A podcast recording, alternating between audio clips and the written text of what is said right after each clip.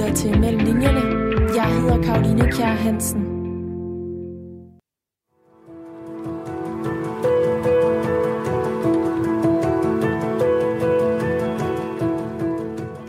Feltarbejde på Fanø. Vandreture i Vejle og rådføring hos ornitologer.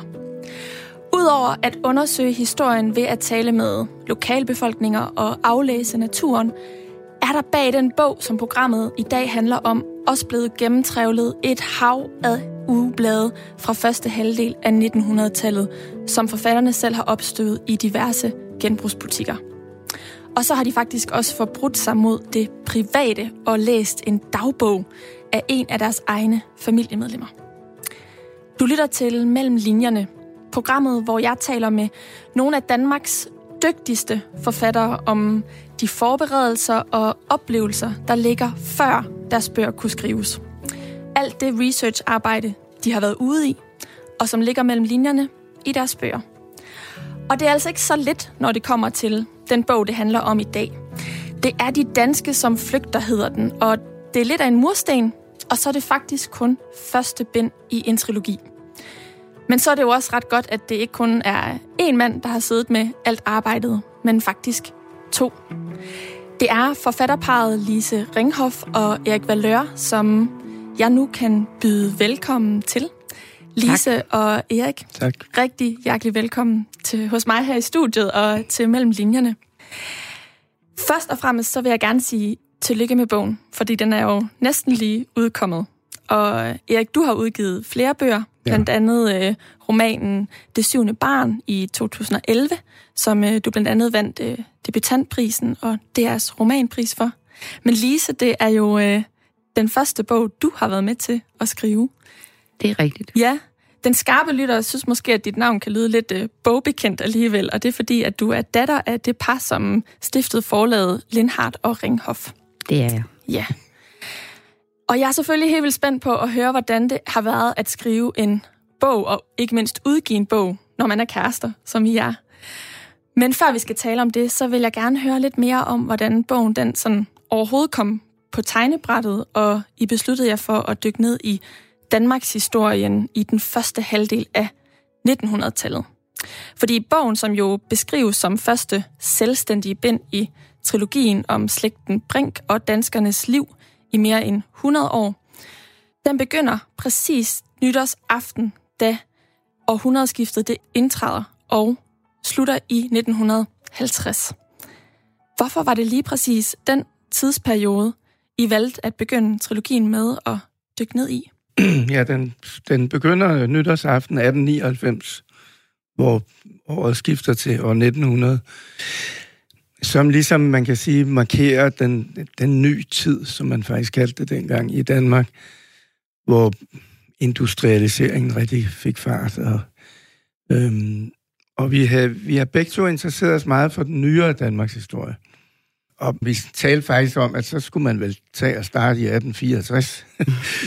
Men så synes vi, det måske blev lidt for klichéagtigt.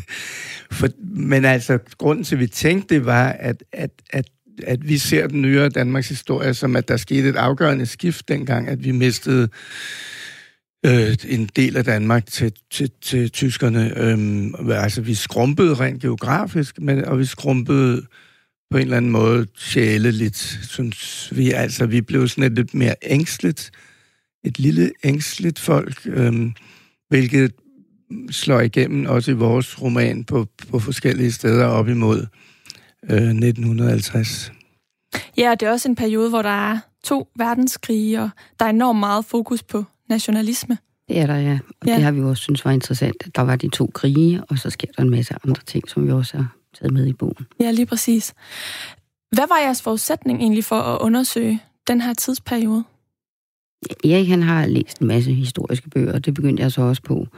Så øhm, det, han havde det, og de stod nede på Fanø, da jeg begyndte at komme der, der tænkte jeg, hold op, han er virkelig interesseret i den danske historie. Og så gik vi i gang med at tale om historien, og tale om den periode, og prøve at skrive nogle nedslag ned, hvad der kunne være interessant at have med i bogen. Det var lidt på den måde.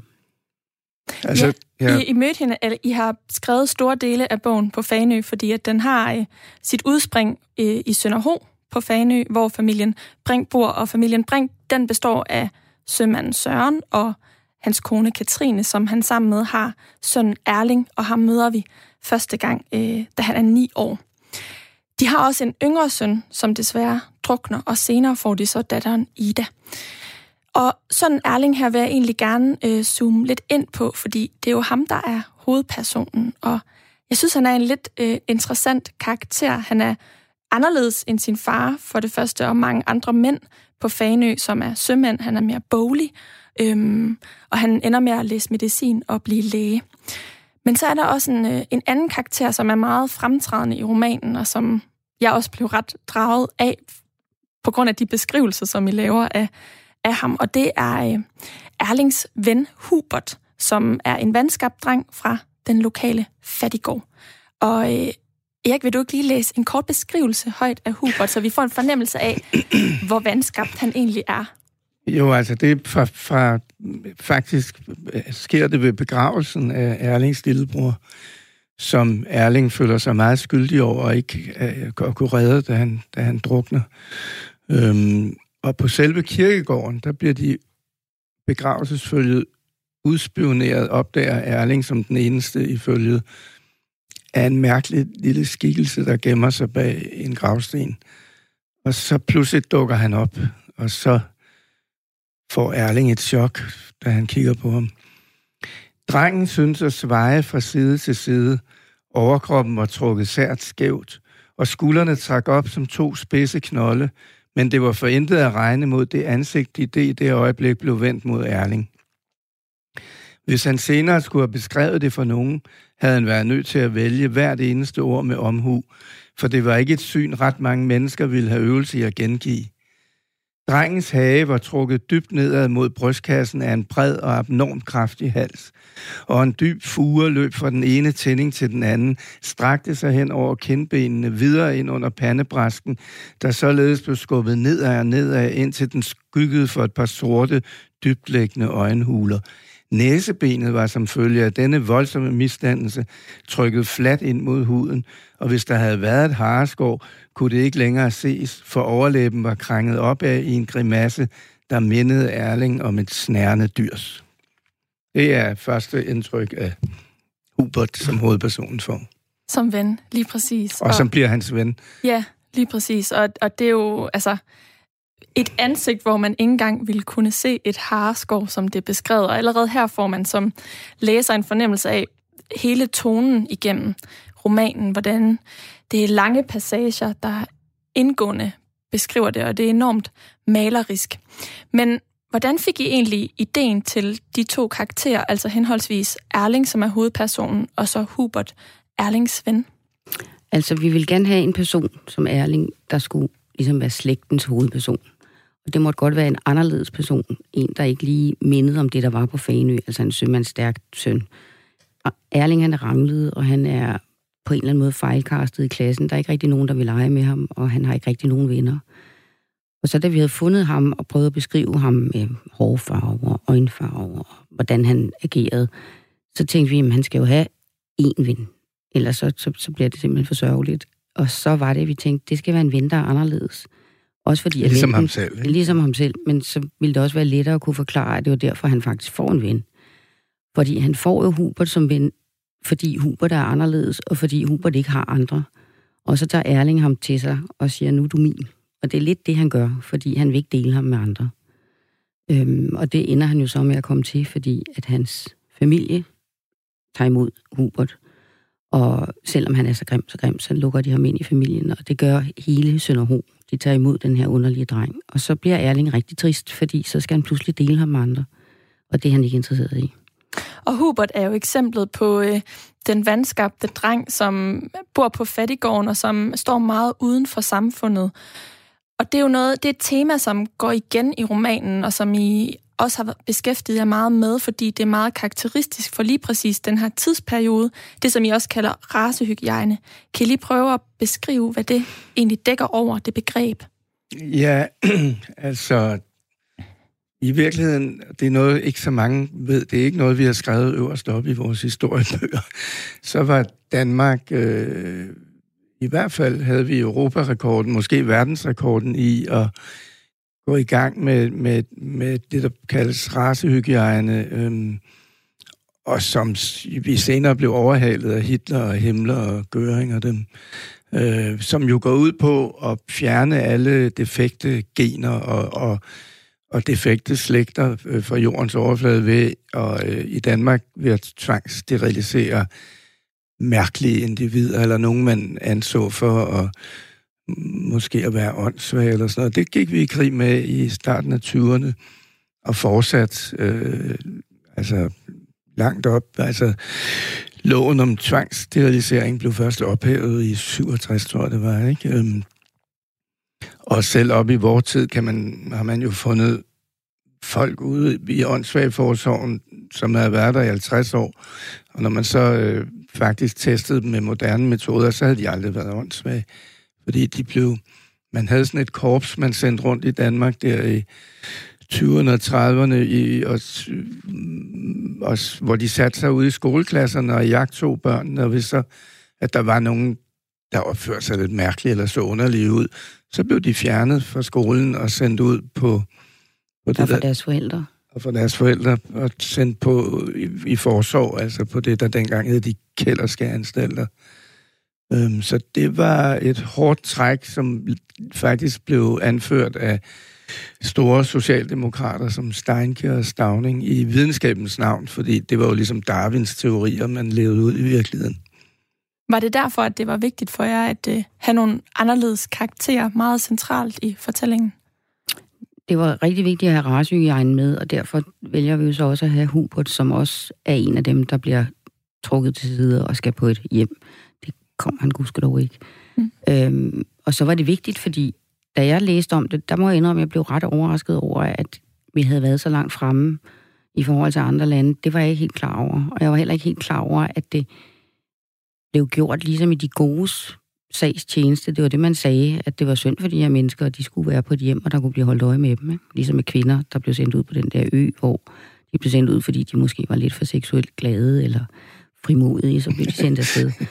øhm, og, det, og det synes jeg var virkelig interessant at læse om. Altså, det, det forbavsede mig helt utroligt.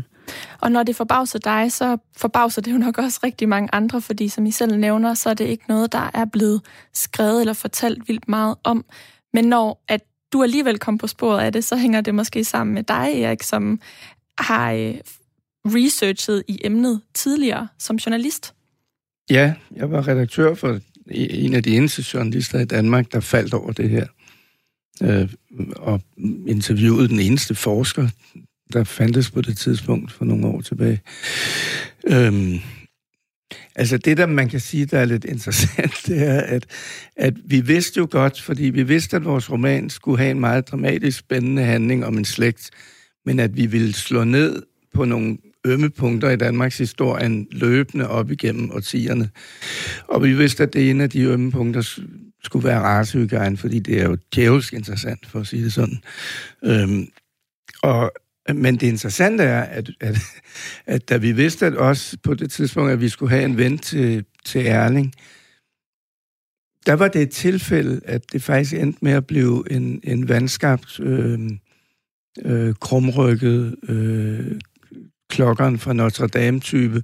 Og det var fordi, at vi, og det viser også lidt om, at research nogle gange også kan foregå live, øh, øh, når man mindst venter det. Vi stod i supermarkedet på Faneø og, og skulle hen til kassen og blev overhalet af en, af en mand, en lille mand i 40'erne, der lignede noget af det, jeg lige læste op, som var helt grotesk øh, øh, misformet, både kroppen og ansigtet, og, og, og vi kom ud i bilen med varerne, og så sad vi der og skrev ned, hvad vi kunne huske, fordi vi tænkte, hvordan i alverden kan sådan et menneske vokse op og, og være barn og dreng og måske gå i skole og sådan noget, når man er fejlkastet i verdensklasse, som man var. Øhm, og lige der fik vi tanken. Vi vidste, at vi ville give Erling en ven. Det skal være hans ven. Så på, på den måde var... Så kom det til at passe selvfølgelig med, at vi kunne bruge ham også, til, da vi kom til årtierne med racehygiejnen, fordi det var jo oplagt, at, at de selvfølgelig slår ned på Hubert, de her øh, gesanter for de kloge mennesker i København. Ikke? Så Hubert udspringer helt konkret af et møde med en anden person i et supermarked ja, på som vi aldrig har ja. mødt siden. Men, ja. men vi noterer ned ja. det, vi huskede. Ja, en del, stor del af jeres research er jo også øh, lavet ved, at I har opholdt jer på Fanø, hvor at, øh, du, Erik, flyttede til i 2014, og ja. hvor du, Lise, sidenhen er, er rykket med til. Ja. Hvordan har det egentlig været at lave feltarbejde, som jeg nu kalder det, det sted, hvor at I også selv lever og ikke lige har tænkt jer at flytte fra, når bogen den er udgivet, som den er nu? Jamen, det har jo været fantastisk på mange måder, fordi feltarbejdet er lige ude foran døren. Og fordi at det, der er så smukt på Fanø, og der er sådan en god natur, og der er mange forskellige stemninger, så, så det vælter lige ind over en med inspiration til at beskrive natur, eller beskrive vejr, eller beskrive menneskerne, husene. Altså det hele er lige ude foran døren, og det, det, det er i sig selv rigtig fantastisk, synes jeg. Er der nogen, der har været skeptiske over for, øh, over for det, og sådan måske trukket sig tilbage, når det var jer, der kom, fordi de har været ængstlige for, hvad, hvad, det, hvad en snak med jer kunne Ja, vi er jo et ængstligt folk, så er nok været Nej, det, det, det synes jeg ikke, vi har mærket. Altså, vi har jo talt med nogle forskellige på Fanø, men vi har ikke rigtig sagt, at det var en slægtsroman, eller det var... Vi har bare talt om forskellige ting. Det kan være om deres oldefar, der var med på et skib ude mod Brasilien, eller det kunne være om deres oldemor, som var derhjemme og passede butikken eller børnene. Så, det, så vi er gået rundt og sagt, nu skal vi lave en slægtsroman, vi vil gerne tale med jer om den slægt. Nej, de gamle sønner honinger, de vil jo meget gerne de vil gerne fortælle, at der er rigtig om deres mange otte slægtled bagud, ikke? gode historier, og også nogle røverhistorier. rigtig gode røverhistorier. har I selv haft nogle kvaler med så at bruge de informationer, som I har fået fra alle de indfødte? Altså det vigtigste er jo at kunne begrænse, fordi hvis man skulle tage alle de gode historier med, så var den blevet endnu større. Nu synes jeg ikke, den er så stor, den er kun på 500 sider. men, øh, men, så det er jo vigtigt at begrænse og tage, altså ligesom jeg beskriver, når vi møder manden i øh, brusen, så skriv ned og sige, nu det her, det ligger vi hen i bunken, der hedder Erling. Eller det her, det ligger vi hen i bunken, der hedder Natur. Eller det her ligger vi hen i bunken, der hedder Sømænd. Og så må man jo tage fra. Et andet sted, som I til gengæld er rejst til for at opholde jer, det er Vejle. Fordi ja. Øh, Erling han gifter sig og bosætter sig i, øh, efter sin studietid i København i Vejle. Hvorfor lige Vejle egentlig? Uh, altså, vi, i, i grundideen, da vi gik på stranden helt over ved Vesterhavet, længst mod vest i Danmark, det var jo, at det var ret fikst at starte en slægtshistorie om danskerne så langt mod vest, som man overhovedet kan komme ved det yderste hav, som man siger derovre og så flytte den mod øst, øh, som årtierne ruller, ikke? Øh, og så starter vi jo med at flytte af hovedpersonen Erling til København, hvor han bliver læge, og så møder han en vejlepige, og hun, kan man sige, er ligesom øh, min mor, der er født i Vejle. Min mor og morfar boede i Vejle. Øhm, og hendes dagbøger, som du vist nævnte, uden at sige, det var min mor, men det var min mor. Eriks mors dagbog. Jeg stjal hendes dagbøger, men først læste dem først, da hun faktisk var, var død i øvrigt her. Hun boede her i Aarhus i mange, mange år her til sidst. Øhm, og, og, øh, og det, det var faktisk Lise, der lærte sig skråskrift. Hun skrev gammeldags skråskrift. ja, det, det var ikke lige til. Det var okay. meget svært at læse. Jeg okay. havde både lup og Hold da op. gang i bøger. Ja. Og, og hun havde, var meget flittig skrivende, så der var mange sider. Øh, og inden midt i en af dagbøgerne, der lå et regimentstegn fra et, et skotsk øh, højlandsregiment, som jeg klogede på og tænkte, og så viste det sig, da lige læste, at, øhm, at da Montgomerys tropper rullede ind i Vejle i 1945, den 8. maj, mm, som befrier, der stod min mor nede i Søndergade, øh, ligesom alle de andre Vejlepiger og Med studenterhue på. Med studenterhue og Dannebrogsflag og viftet, og fra en af kampvognene, der bøjede Jeff sig ned og trak hende op på bagsmækken. Uh, hun var jo en køn ung kvinde. og uh, de her ørkenrotter, de havde jo uh, været igennem det hele fra Nordafrika og Normandiet og over Elben og, og havde været i krig i mange år. Selvom de kun var i starten af 20'erne, mange af dem, ikke?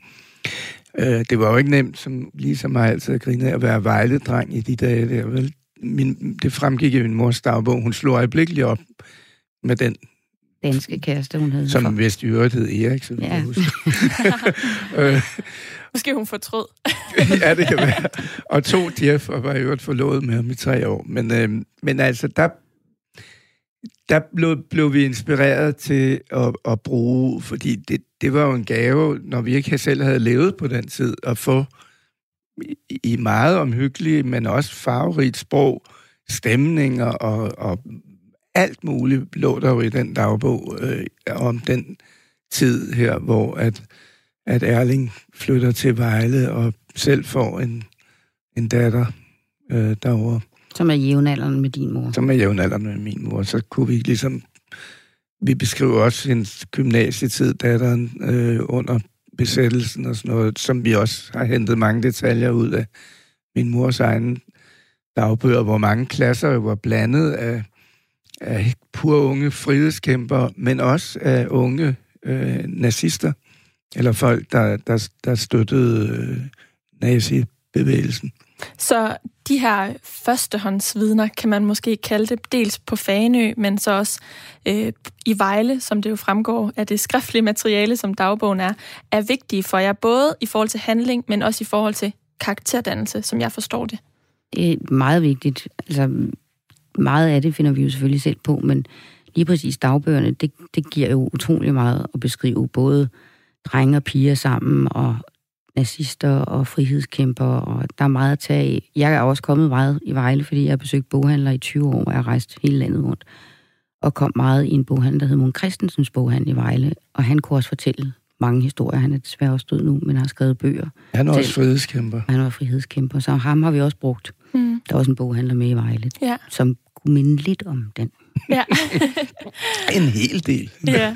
Men når I nu også har rejst til Vejle her i arbejdet med bogen, så er det fordi, I også har opholdt jer ret meget i naturen omkring Vejle. Og øh, i hele arbejdet med bogen, der har I også talt med flere ornitologer, altså fugleeksperter, kan man let oversætte det til. Ja, fugle, det er meget på Fanø. Men ja, det, det er jo Vadehavet, som mm. er så berømt for fuglene. Og selvom vi har plakater i vores lille hus med fugle, så har vi stadigvæk ikke lært altså navnene og lydene, så der bliver man nødt til at snakke med nogen, der ja. har forstand på det. Men naturbeskrivelserne er enormt vigtige for jer, også at de netop er autentiske, og derfor så har I opholdt jer meget i naturen.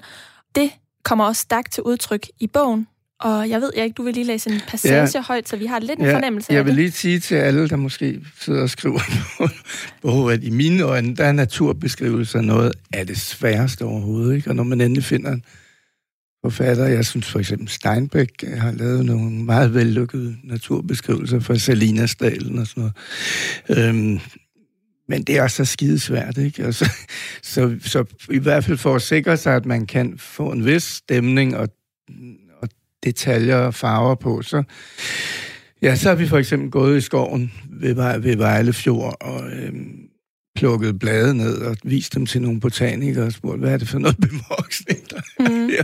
Fordi... Og taget en masse fotografier, som vi så har haft hængende derhjemme. Og, og her har jeg en, bes, eller vi en beskrivelse, hvor hovedpersonen Erling øh, følges med en, en, en, en kvinde, der hedder Anna, som det viser sig, at han, hun vil have ham til, hjælp, til at hjælpe øh, hende med at flygte fra Danmark, fra nazisterne. Det ved han ikke lige på det her tidspunkt. Han har bare en fornemmelse af, at der er noget galt.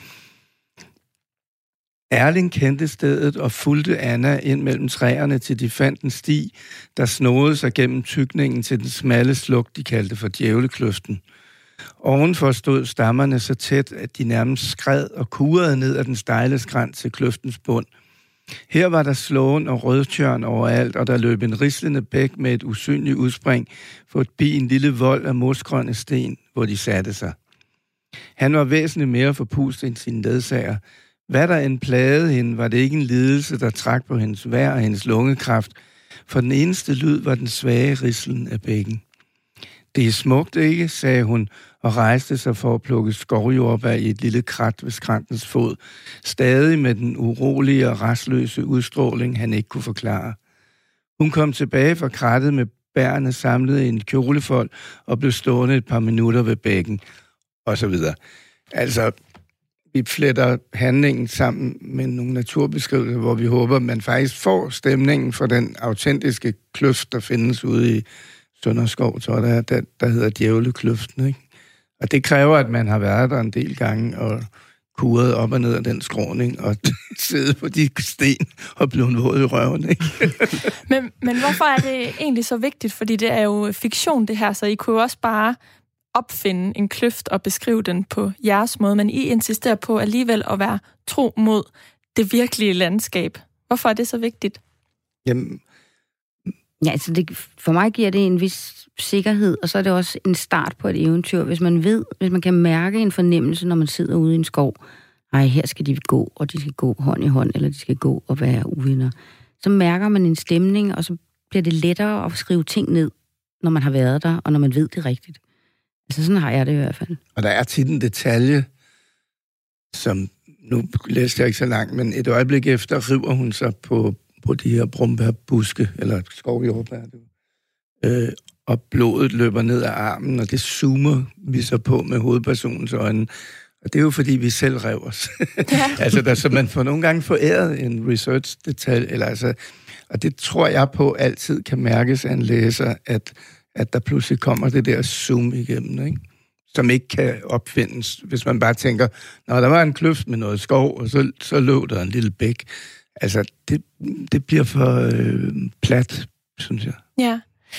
Erik, du fortæller, at du synes, naturbeskrivelser er noget af det sværeste ja. at skrive. Men du insisterer alligevel i høj grad på det. Hvordan kan det være? Jamen, nu er det, at foregår romanen jo, og især med udgangspunkt på et af de mest ja, både sælsomme og smukke steder, jeg i hvert fald nogensinde har set ved Vadehavet øh, ud for Fanø, øhm, hvor alt skifter hele tiden. Belysningen og, og fuglene og, og de sjældne blomster. Og, altså, det er jo et helt vildt fantastisk sted. Og man kan ikke lade sådan en udfordring ligge, som vi heller ikke synes, vi skulle at prøve at beskrive, altså for eksempel, da Erling, hovedpersonen, møder Vejlepigen, der mødes de i vandkanten, mens de samler rav, eller begge to prøver at, at finde rav. Øhm, og der skal vi jo have synet af, af vandet, der risler ind på kysten, og de her skaller, der, der løber i de her små vandstrømme og sådan noget. Altså, fordi det giver jo en helt fantastisk... Altså, vi vil jo rigtig meget gerne kunne gengive øh, det, det smukke i den natur der. Men det er svært, at det sådan en beskrivelse, jeg tror, den beskrivelse, hvor de på en halv side møder hinanden og kaster sig over det samme stykke rav i vandkanten. Det tog en uge at, at forme den for og os. Og den færdig. Og vi frem og tilbage, og så passede det ikke med at, at lægge en konkylie ind der, og, og, og det ord passede ikke. Og, altså, det er enormt svært. og en ting er jo øh, de her øh, scener, som er meget følelsesladet og båret af en, en oplevelse, der kan manifestere sig i kroppen, og som I selv også kan, kan bære frem på mange måder, men som I også nævner, så har I jo også rækket ud efter hjælp til blandt andet at beskrive natur, hvor I simpelthen selv kommer til kort. Har folk bare vil hjælpe jer? Altså dem, vi har spurgt, vil hjælpe os. Det går jeg da ud fra. Der er ikke nogen, der har sagt nej. Øhm, på Fanø bor vi i ja, Sønderhus skråt over for faktisk en mand, der hedder Søren Brink, og ud af en gammel, gammel fan. Det var da et pudsigt navn. ja, at, jamen, Brink er et elgammelt fanø-navn. Ja. Øh, og, derfor og det er jo fordi, det. at uh, Erlings far hedder Søren, Søren Brink. Ja. ja. ja. Det tænkte vi så ikke lige over, da vi kaldte ham Søren, men at vores Søren Brink, der er i live, han at, tror jeg, han tager i strakt arm. Og han er ornitolog, så selvfølgelig vil han hjælpe os med, med fuglene. mm. I har ikke bare researchet ved at tale med folk, som vi lige har snakket om. I har også undersøgt en del ved at læse blandt andet Eriks mors dagbog. Men I har også læst nogle andre ting, som jeg egentlig stussede ret meget over, og det skal vi tale mere om nu. Du lytter til Mellem Linjerne. Jeg hedder Karoline Kjær Hansen. Og i dag taler jeg med forfatterparet Lise Ringhoff og Erik Valør, som er aktuelle med slægtsromanen Det er de danske, som flygter. Det er en roman, som I blandt andet har researchet til ved at tale med en masse mennesker. Det er både eksperter, men i høj grad også lokalbefolkningen på Fanø. Og så har I også læst en masse ugeblade. Hvordan hænger det sammen? Jamen, netop som Erik sagde før, så har, har vi jo ikke levet på den tid selv. Og en ting er Eriks mors dagbøger. En anden ting er, når man kigger i ugebladet, så ser man jo tøj, beklædning, hjem, øh, reklamer for ting, øh, produkter. Så, så får man et, et rigtig godt indtryk af, hvordan mennesker færdes og kan se ud og være klædt. Ude i det almindelige Danmark, ikke? Ja. ja, ude i det almindelige Danmark. Og det har vi så kigget efter. Vi har også kigget efter, om der var nogle sjove historier. Det har der så ikke været så mange af. Men, men, men at kigge på billeder af mennesker og skrive ned, når vi tegnede vores figurer, jamen så har de sådan en nederdel på, eller så har de et tørklæde på hovedet, eller øh, de spiser det er det til morgenmad. Det, det har været rigtig vigtigt. Og så har det også bare været sjovt, fordi man kommer jo i en stemning, når man læser om en tid og ser billeder samtidig. Det gør jeg i hvert fald.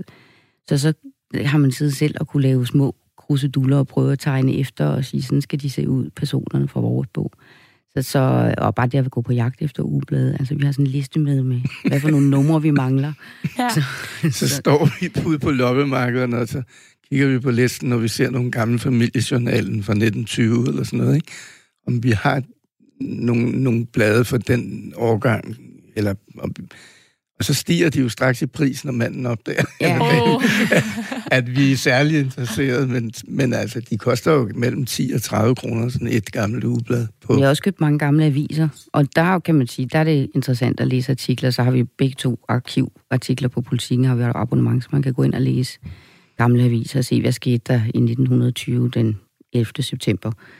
Øhm, og det har vi også gjort. Bare for at få et indtryk igen af stemningen. Men det må da også fylde helt vildt meget, når det er ugeblad og viser ja, for et halvt århundrede. har I sådan et arkivrum ja, derhjemme? Ja. Eller? Ja. ja. Vi har nogen i kælderen, og så har vi nogen oppe i vores arbejdsværelse. Og så har vi dem inddelt i årstal, ikke? Altså, så har vi fra ja, starten af 1900 til, til ja, nu har vi op til 1967 i øjeblikket, øh, men, men Ja, så skal vi ud i gang og have gang i 70'erne og 80'erne ja. og 90'erne, fordi det er meget sjovt at forudsætte, nu når vi er kommet i gang. Ja. Hvis vi ser på jeres samlede research til første bind i trilogien om slægten Brink, hvad har egentlig været det sværeste? Altså for mig har det sværeste været at begrænse mig. fordi jeg synes, der var så mange gode historier, som skulle fortælles. Nogle gange har vi jo også skrevet nogle historier inde i bogen, som vi så er blevet nødt til at tage ud, fordi det bliver simpelthen for meget. Så kommer der for mange informationer, det skal det ikke være. Det, er, det, det skal jo være en slægtsroman, og det skal ikke være sådan en, hvor vi vil fortælle alle mulige historiske nedslag. Men for mig har det helt klart været begrænsningen, fordi man bliver så ivrig. Der er så meget, man gerne vil fortælle. Der er en drukne ulykke i begyndelsen af romanen, som er meget skældsættende for hele handlingen. Erlings lillebror dør. Og jeg ved, at der var egentlig også tiltænkt en anden drukne ulykke, men som måtte vige Ja, det, for, på grund af det princip, du lige sætter det, over på. Ja, det er fordi, ja, det var Lise. Det, det er fordi, du er så hård i filmen. vi, havde, vi havde brugt, jeg ved ikke, om vi havde, vi havde i hvert fald brugt en måneds tid på at skrive på en scene, som, hvor en dreng øh, falder gennem isen ved vintertid øh, i, ude i en mose. Moseterræn på Fanø. Øh, en anden dreng. Der var øh, også mange naturbeskrivelser vi har haft en god redaktør, som der er et eller andet, der er et eller andet, der øh, bliver for langt til, eller der er et eller andet, der ikke svinger. Øhm, og jeg var blevet blind for den del af bogen der. Så satte lige sig ind i et rum for sig selv, så kom hun ud, så havde hun slettet hele den scene med mosen. Væk var den, væk var den. Alle, alle 14 sider af alle naturbeskrivelser. Ja, helt lortet. Det gode, ved, det gode, Erik har lært mig, det er, at man skal jo ikke smide det væk. Så skal man putte det hen i en mappe, man kalder rester. Fordi det kan jo godt være, at man får brug for at beskrive den natur, eller isen, eller noget fra de 10 sider. Det var altså ikke 12 sider. Det var, Var 10 det? sider. Nå, okay. Det Så føles som spildt 12. er, Øhm, er det ikke. Nej, det bliver aldrig spildt. Og det er ligegyldigt, om det er to sætninger, vi tager væk, eller om det er 10 sider. Så kommer det hen i den bunke, der hedder rester, og der ligger det rigtig godt. Så aldrig slet. Aldrig Noget. slet. Altid gem. Det kan jo være, at man pludselig skal bruge sådan en beskrivelse af noget tørv ude i en mose eller et eller andet. Ja. Men det, du spurgte om også før, hvad der er det svære? Det svære er jo at, at veksle altså, den helt konkrete slægtshandling, som er en dramatisk historie om mennesker, som er fiktive, selvom de selvfølgelig ligner danskerne på mange punkter og sådan noget. Og så veksler den med de faktisk helt konkrete historiske ting, hvor vi jo fisker sentenser ud af Danmarks historien og sådan noget, øhm, og fletter ind. Øhm, og, og den vekselvirkning, der, der, kan ikke, der kan man ikke tage ret meget af sådan noget faglig, konkret historieresearch med, for så kommer det til at ligne en historie på. Og, og derfor øh, skal man på en eller anden måde have en rytme, som, som, som ligesom bølger op og ned øh, mellem hinanden, ligesom sådan en DNA-streng, ikke, der fungerer. Øhm, og, og, og der lå den der mose altså forkert med al vores planteresearch der og alt det der, ikke? Så det er en bølgen mellem fakta og fiktion. Ja, som skal smelte sammen i en dramatisk, øh, fremadkørende øh, ting, ikke? Jo, og med vægt på fiktionen. Ja, det er klart. Hvad var så egentlig det nemmeste? Jeg har ikke nødt den. Ej, men det sjoveste og det bedste, og det, altså, det var jo, når vi gik og fik idéer. Øhm, og der kan man sige, det er jo ikke så tit, måske man er to til at skrive, men, men der var det jo rigtig sjovt at have hinanden, fordi man kunne så fortælle, "Nå, nu har jeg fået den her idé, og så kunne man enten få at den var fuldstændig sindssyg, eller også, at det var en rigtig god idé, og så gik man hjem og arbejdede videre med det. Øhm, så, så det har været ikke nemt at have hinanden, for det har der så også været rigtig mange udfordringer, at vi var ikke enige altid. Slet ikke. Nej. Øh, nej. men, men derfor har det været, altså det med at idéudvikle, synes jeg, jeg vil ikke sige, det er nemt, men det har været sjovt at være to. Er du Og- enig? Ja, jo, men, men, men altså, øh, altså det, jeg, som journalist har jeg jo tit, dengang jeg arbejdede som journalist, været i på redaktioner, hvor vi også forsøgte at arbejde sammen, to og to, nogle gange flere. Øhm, og, og der kommer altid, ef- efter min erfaring, flere gode idéer, alt i alt, øh, op på bordet, når man pingponger eller vekselvirker mellem to sjæle i stedet for kun én. Øhm, og Lisa er rigtig god til at få flyvske idéer, og, og, øhm, Er det positivt og nogle af dem kan lande. Ja, ja, selvfølgelig. Flyvske ved Jamen, de skal være flyvske fra starten, så, så dem, der lander, de er gode, ikke? Ja. Men, men en ting er jo at være to i idéudviklingsfasen Ja. ja. og researchfasen, og I har jo også været vidt omkring det af 50 år, I har dykket ned i. Så jeg forestiller mig kun, at det kan være en fordel at dele arbejdet der. Men en anden ting, det er jo så også, da I skulle begynde at skrive fortællingen. Hvordan var den overgang, og hvordan har det egentlig været at gøre det sammen? Altså, nu er det jo min første bog, og derfor så kan jeg sige helt med rette, at jeg har ikke noget erfaring på den måde i at skrive. Så, så jeg har skulle lære rigtig meget. Og det er foregået på den måde, at vi har sat os sammen, og så har vi talt om for eksempel en scene. Så har jeg sat mig for mig selv og prøvet at beskrive med mine ord den scene, øhm, og puttet lidt forskellige ind i den. Og så har Erik så fået den og skrevet den igennem, og puttet måske noget af vores research med natur ind, eller puttet noget med et menneske ind. Så har jeg fået den tilbage igen, og så har jeg så skrevet, hvad jeg synes måske ikke skulle med, eller hvad der skulle med, og kommet med et forslag til det, og så har jeg ikke fået den ind igen. Og sådan har vi gjort, altså en stor del af tiden, vil jeg sige. At det er gået, Også sådan en vekselvirkning. ja, sådan en vekselvirkning, og nogle gange kan det godt være, at jeg så har siddet med noget en formiddag, hvor jeg ikke har siddet med noget andet, men så har han så fået det ind senere, og jeg har så fået hans. Ja. Og det er altid sådan endt om aftenen, med vi har siddet og talt om, hvad det er, vi har lavet i løbet af dagen. Så, så vi sidder ikke ligesom nogen... For, det forestillede jeg mig også en gang med Sjøve eller Valø, at de sad i hver sin ende af en skrivemaskine og hamrede på samme tid i tasterne. Sådan er det ikke. jeg ved ikke, om der er nogen forfatterpar, der gør sådan, men vi, vi sidder generelt i hver sit rum, eller i hvert fald ved hver sit skrivebord, og, og, og så passerer vi tingene frem og tilbage.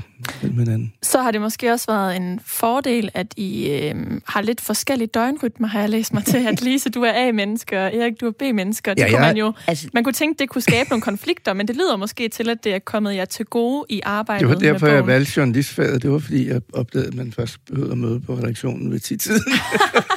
Det gør man ikke her på Radio 4, Nej, det ved jeg at godt. Og, og så skulle man til gengæld jo også blive der til kl. 10 om aftenen, men det synes jeg var sjovere. Altså, det, det, det giver i hvert fald en form for ro, at jeg har morgenerne selv, hvor jeg sidder og arbejder. Og jeg tror også, at Erik har det lidt på samme måde. Det giver også ham nogle ro, at han kan sidde længe om aftenen. Så, så det synes jeg er rigtig godt. Hvor har I egentlig helt konkret siddet og skrevet? Nede på Fanø, eller... Både øh, på Fanø i Sønderho, og så øh, i Valby, hvor vi har en lille andelslejlighed.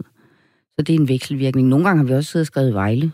Altså, hvis vi pludselig har fået en idé, så det er sådan set ligegyldigt, hvor vi er, så, så kan vi godt finde på at sidde og skrive. Men vi har begge to børn i Valby i København, så vi er selvfølgelig derinde imellem. Mm. Så, så det er også en vekselvirkning mellem Øst- og Vest-Danmark.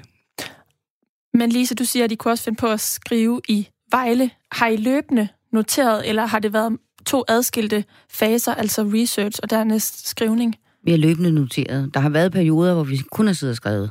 Men, men der har også været perioder, hvor vi både har skrevet og taget ud og talt med folk. Og hvornår begyndte I at skrive? Fordi I fik ideen fra små fem år siden, og, øh, og hvornår indtraf selve skrivefasen derefter? Er det ikke tre et halvt år siden? Jo, Og det er jo også lang tid at sidde og arbejde på den samme tekst, tænker jeg umiddelbart. ja, vi har jo lavet skitse også til de næste to bind. Øh, Ikke sådan i detaljer, men så noget af tiden er blevet brugt på at se det i, som en helhed trilogien, inden vi så alene zoomede på det første bind. Og det, men det er rigtigt, det er der et par år eller tre her. Men det er jo en af grundene til, at det har taget så lang tid, det er også, fordi vi ikke har levet selv på det tidspunkt. Så der har, det har krævet rigtig meget research. Og der tænker jeg, at når vi er i bind 2 og bind 3, så er vi selv til stede og kan huske, og der er ting, vi kan tage med fra vores egen virkelighed. Og det gør det måske en lille smule. Ja, det ved jeg ikke, om man kan arbejde hurtigere så på den måde. Vi er jo i fuld gang med bind 2 nærmest halvvejs. Nu talte vi tidligere om øh, den her anden drukne ulykke, som du valgte at korte ud, Lise. Er der noget andet konkret research, som ikke er kommet med i bogen, og som jeg ikke har, har læst, fordi I har valgt at skrotte det til fordel for noget andet måske? Der, er- der må være rigtig meget, vil jeg sige. Øh, altså, Der er i hvert fald noget for Ribe.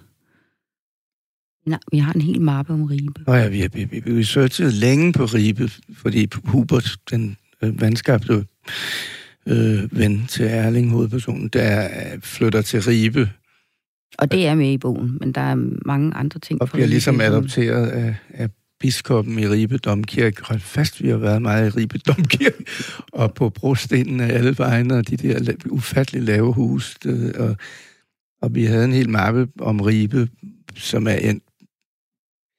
Vi har en, synes vi selv, flot beskrivelse af Hubert, der pusser relikvierne i Ribe Domkirke. Er det dig eller Lise, eller er I, er I enige om den flotte beskrivelse? Den er vi enige om. Okay.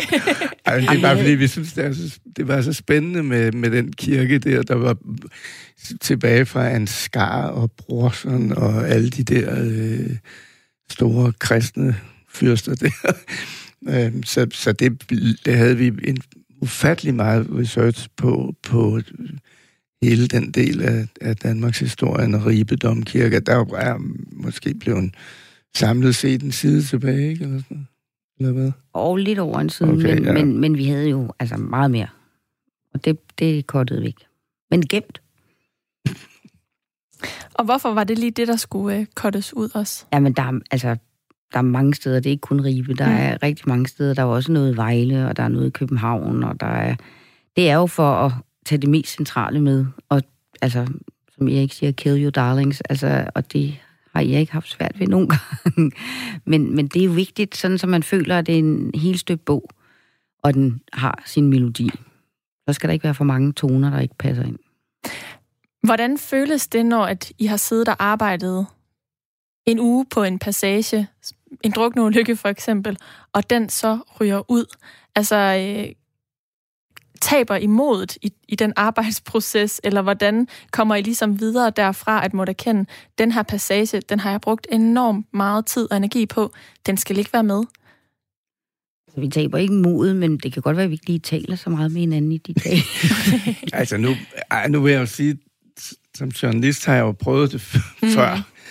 Jeg kendte godt fornemmelsen af chokket. Altså, man... jeg, jeg kendte ikke fornemmelsen, og hvis det var mine ting, der røg ud, så må jeg indrømme, så blev jeg lidt småfornærmet. Gjorde du det? det synes jeg, jeg gjorde, men jeg kom over det. Jeg synes så til gengæld, Erik han tog det meget pænt, og det var hans ting, der Okay, men det er jo nok også et spørgsmål om erfaring, det kunne jeg, jeg forestille mig. Ja. Man kan godt lige have den der, eller det har jeg, og det tror jeg, du har ret i, det er på grund af, at jeg ikke har så stor erfaring.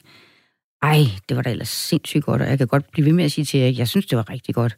Hvorfor, hvorfor, hvorfor skal det ud? Jeg kan godt tage det frem tre måneder efter og sige, jeg synes faktisk, det var en ret god beskrivelse. Men inderst ved jeg jo godt, at den skal ud. Og ud, det kom bogen i hvert fald også, og nu skal vi tale lidt om udgivelsen. Du lytter til Mellem Linjerne. Jeg hedder Karoline Kjær Hansen. Og over for mig sidder forfatterparet Lise Ringhoff og Erik Valør, som jeg i dag taler med. Og det er fordi, I netop har udgivet bogen Det er de danske, som flygter. Det er en bog, som I har arbejdet på i mange år, og i hvert fald har skrevet på de sidste 3,5 år omtrent. Og nu er den udkommet for små 14 dage siden. Hvordan øh, føles det? Altså, Erik, det er jo ikke din første bog, men Lise, det var din allerførste. Hvordan var sådan en udgivelsesdag? Det var spændende.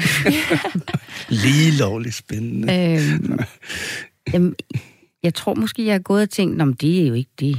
Det er jo bare en bog, der skal ud, og jeg har jo arbejdet på forlag i mange år, mm. og ved godt, hvordan det er, når bøger kommer ud. Du sidder ud. på den anden side af bordet. Jeg sidder på den anden side. Jeg du er ikke... født på et forlag om sådan. Ja, jeg, jeg, jeg er ikke... Der løber bøger i dit blod. altså, jeg, jeg, jeg blev virkelig overrasket over, at jeg selv var så spændt.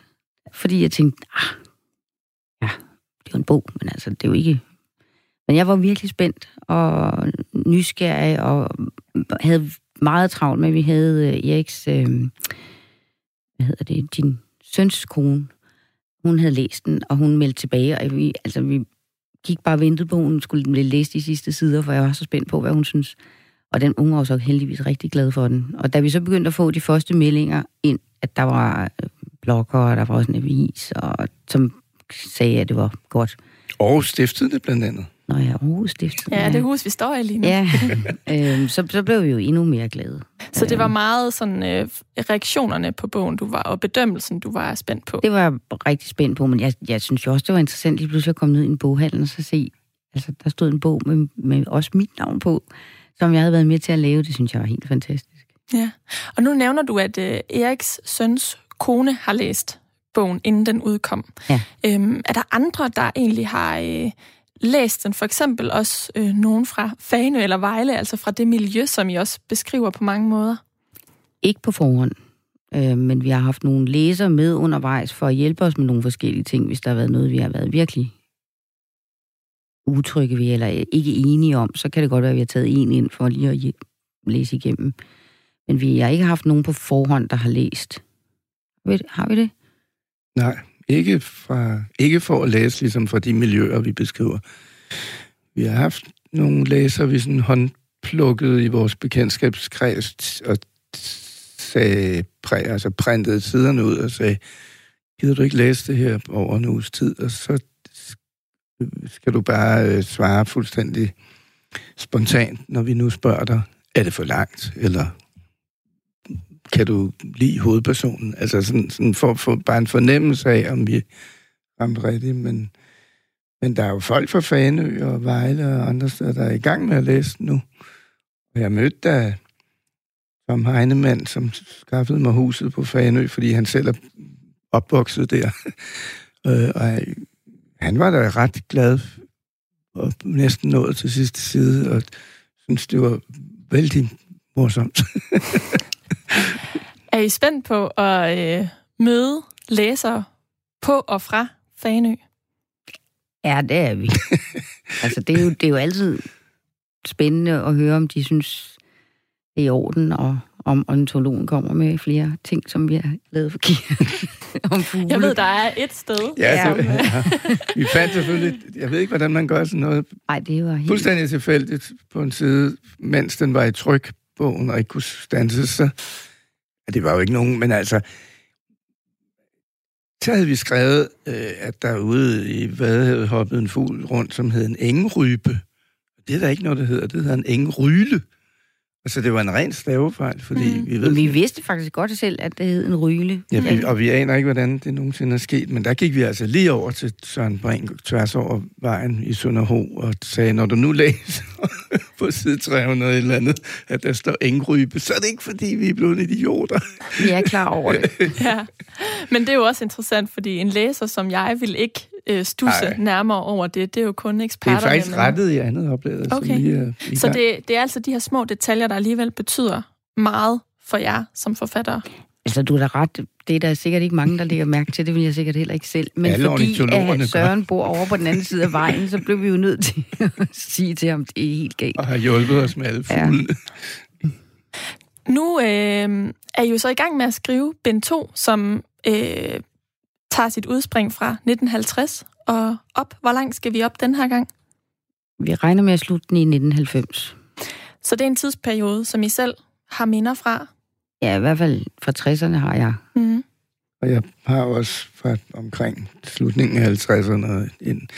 Og, og der kommer vi jo til, øh, til oprørsårtierne, som vi kalder dem, de store 60'erne og 70'erne og til dels 80'erne. Og der, altså, der bliver også nogle nedslag i Danmarks historien på nogle af de områder, vi synes kan være lidt ømfindtlige. Altså f- for eksempel, hvordan hvor hårdt miljøet egentlig var på blandt de oprørske unge på universiteterne og sådan noget, og, og hvor fordømmende mange af dem var. Og fordømmelse er jo et stort tema i hele vores trilogi. Altså danskernes hang til nogle gange, når vi bliver ængstelige og føler os gået for tæt på og sådan noget, så, så smækker vi fordommene på bordet og, og pakker folk ind i rammer og kasser.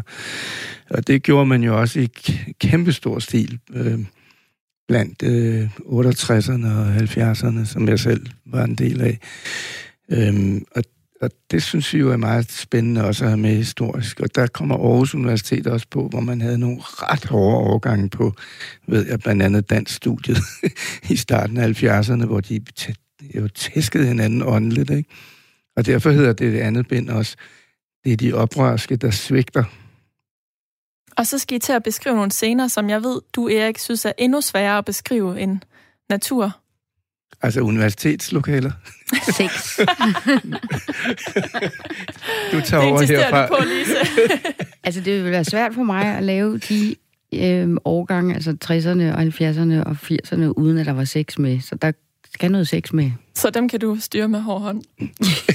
Det får vi se. Jamen, det er jo fordi, at, det er jo fordi, at jeg synes i hvert fald, at dansk er ufattelig fattigt sprog, når man, når man skal tale sex. Altså, så kan man kun finde sådan nogle ord som kusse og fisse og pik og patter og altså der ja, eller også skal det hedde vagina eller sådan noget. Altså dansk har næsten ingen ord med klang og med poesi og tone for, for den del af, af, af livet øh, af en eller anden mystisk grund. Og det gør, synes jeg, at det er pisse svært at, at beskrive i ord på en, på en bogside. Øhm, altså, du kan jo altid finde lyriske ord til blomster, eller, eller vadehav, eller, eller øh, et skovbryn. Altså, der, der kan du finde masser af smukke trænavn og blomsternavn og alting, ikke?